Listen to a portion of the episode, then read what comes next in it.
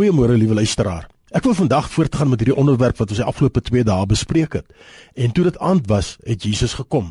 Want daar is so baie wat ons daaroor kan sê. Ons teks kom uit Johannes 20 vers 19. Daardie Sondag aand was die disippels bymekaar. Alhoewel die deure gesluit was omdat hulle bang was vir die Jode, het Jesus gekom en tussen hulle gaan staan en gesê: "Vrede vir julle." Jy vra miskien, maar hoe kom Jesus? Hy kom in die kleed van die skrif.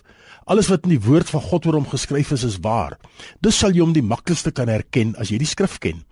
Dit is belangrik om elke dag die skrif te bestudeer om meer van hom te wete te kan kom, want dan verander jou denke rondom hom.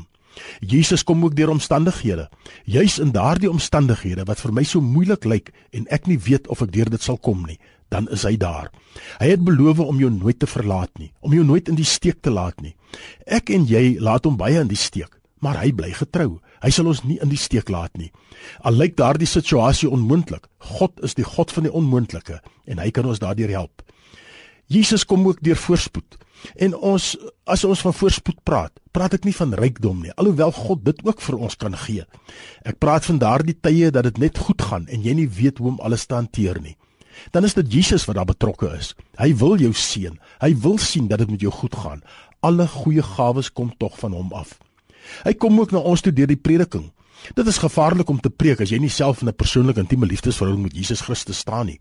Maar dit is net so gevaarlik om te luister na 'n preek, want dis juist dan dat die Heilige Gees kom en jou lewe aanspreek. Hy kom nooit aankla en veroordeel nie, maar hy oortuig van sonde, oordeel en geregtigheid. Sê my, het jy verwag dat Jesus vandag na jou gaan kom deur hierdie boodskap? Hierdie Jesus wat gesê het, elkeen wat die Vader vir my gee, sal na my toe kom en ek sal hom wat na my toe kom nooit verwerp nie in Johannes 6 vers 37. Hierdie Jesus wat gesê het, ek is die weg en die waarheid en die lewe en niemand kom na die Vader toe behalwe deur my nie in Johannes 14 vers 6.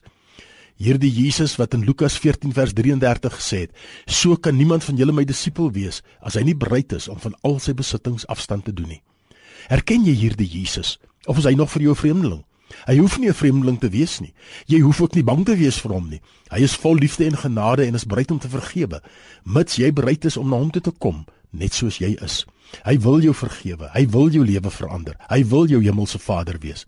Hy is jou skepper en hy is die een wat jou loskoop uit die mag van sonde. Kom vandag nog na hom toe en neem hom aan as jou verlosser.